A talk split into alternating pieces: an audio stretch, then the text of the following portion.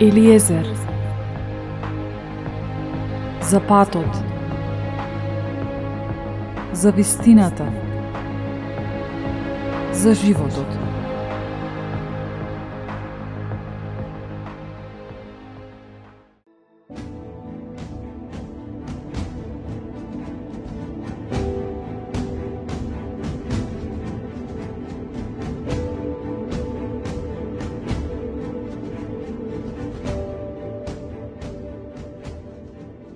Прва збирка од полки, трета глава.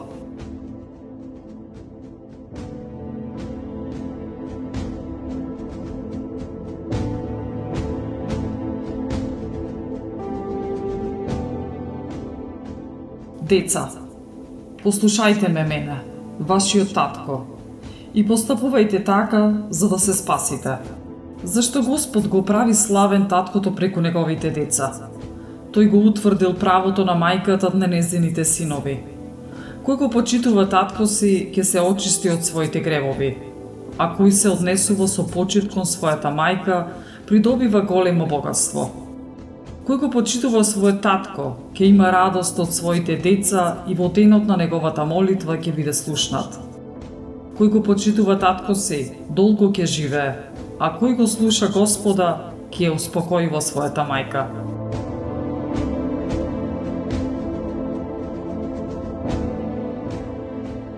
Кој има страхопочит кон Господа, тој го почитува татко си. На своите родители им служи како на господари. Со дела и со зборови почитувај ги твоите родители, за да бидеш благословен од нив. Зашто благословот на таткото ги утврдува домовите на децата, а мајчината клетва ги урива до темели.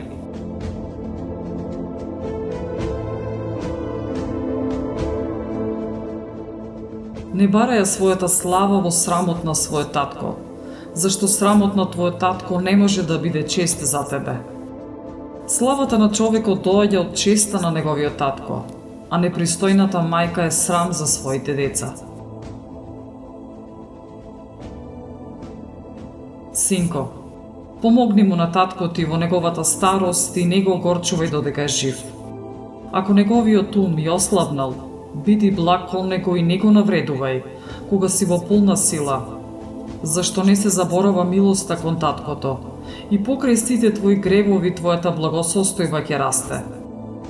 Во деновите на твојата неволја, Господ ќе се сети на тебе, како мразот од топлината, така ќе се истопа твоите гревови.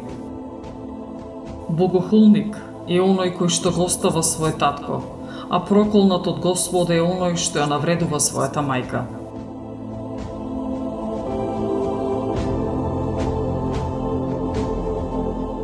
Синко, со кротост врши ги твоите работи и од богоугоден човек ќе бидеш сакан.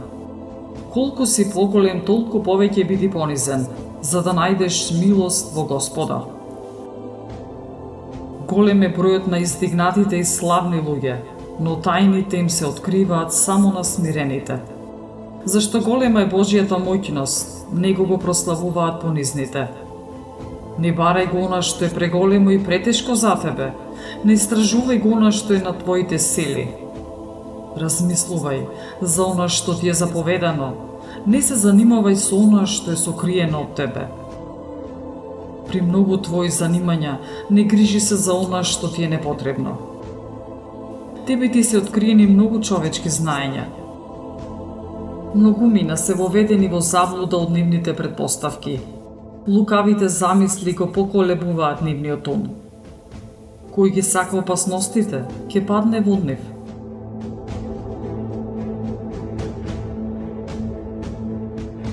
Тврдокорното срце ќе претрпи зло на крајот, а упорното срце ќе биде оптоварено со неболи а грешникот натрупува грев врз грев.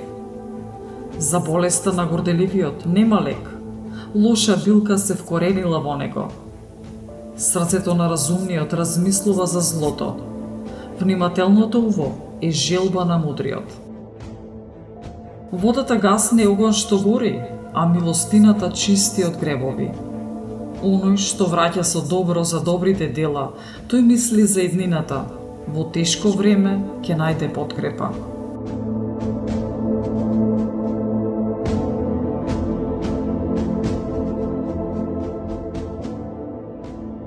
Прва збирка од полки, четврта глава.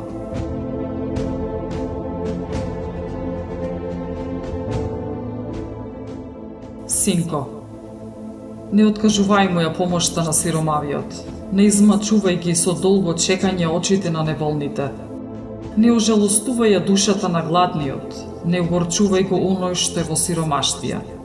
Не измачувај срце што е веќе огорчено, не ја одлагај милоста спрема оној што нема. Не одбивај ги молбите на неволниците, лицето твое не свртувај го од сиромавиот. Не свртувај ги твоите очи од оние што просат, никому не давај повод да те колне. Зашто во жалоста на својата душа те проколнува. Оној кој го создал, ќе ја послуша неговата молба.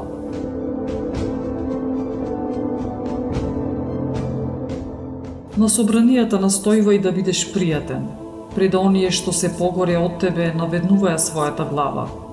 Доближи го твоето уво кон сиромавиот, одговарај му на смејано и со кротост. Избавувај го угнетениот од раката на оној што го угнетува, а кога судиш, не биди малодушен. На сираците биди им како татко, а на нивната мајка како маш. И ќе му бидеш како син на Севишниот и тој ќе те засека повеќе од твојата мајка.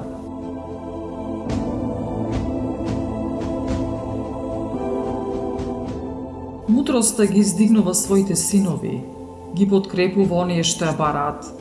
Кој ја сака неа животот го сака. Кој ја бара од рано утро со радост ке се исполни.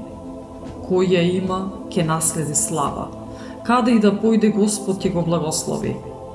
Кои служат, на светиот му служат, кои не ја сакаат Господ нив ги милува. Кој ја слуша, на народи ќе им суди праведно, кој внимава на неа, тој со доверба ќе живее. Ќе наследи оној што ќе се довери, а потомците негови ќе владеат со неа. Иако отправи таа ќе тргне со него по криви патишта, врз него ќе испрати страв и трепет ќе го измачува со своето водење се додека не се увери во неговата душа и не го испита во уредбите своји. На крајот, таа сепак ќе го доведе на правиот пат, ќе го зарадува и ќе му ги открие своите тајни. Ако пак скршниот правиот пат, таа го остава и го предава во рацете на неговата пропаст.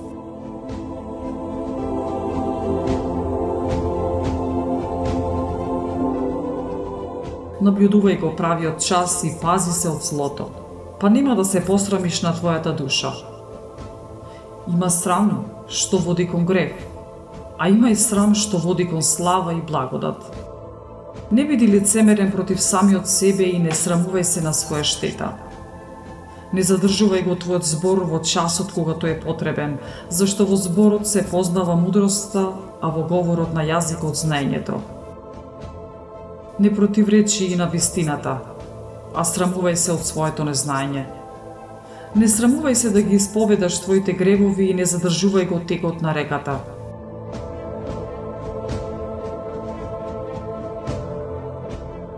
Не починувај му се на глупав човек и не били од страната на силниот.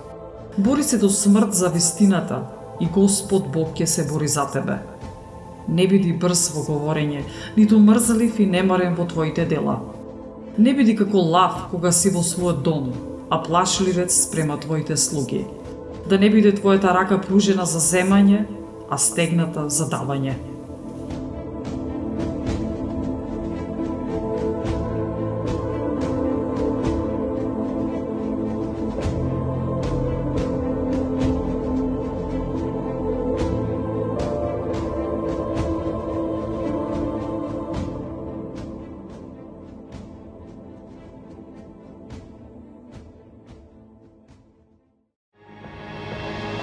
Eliezer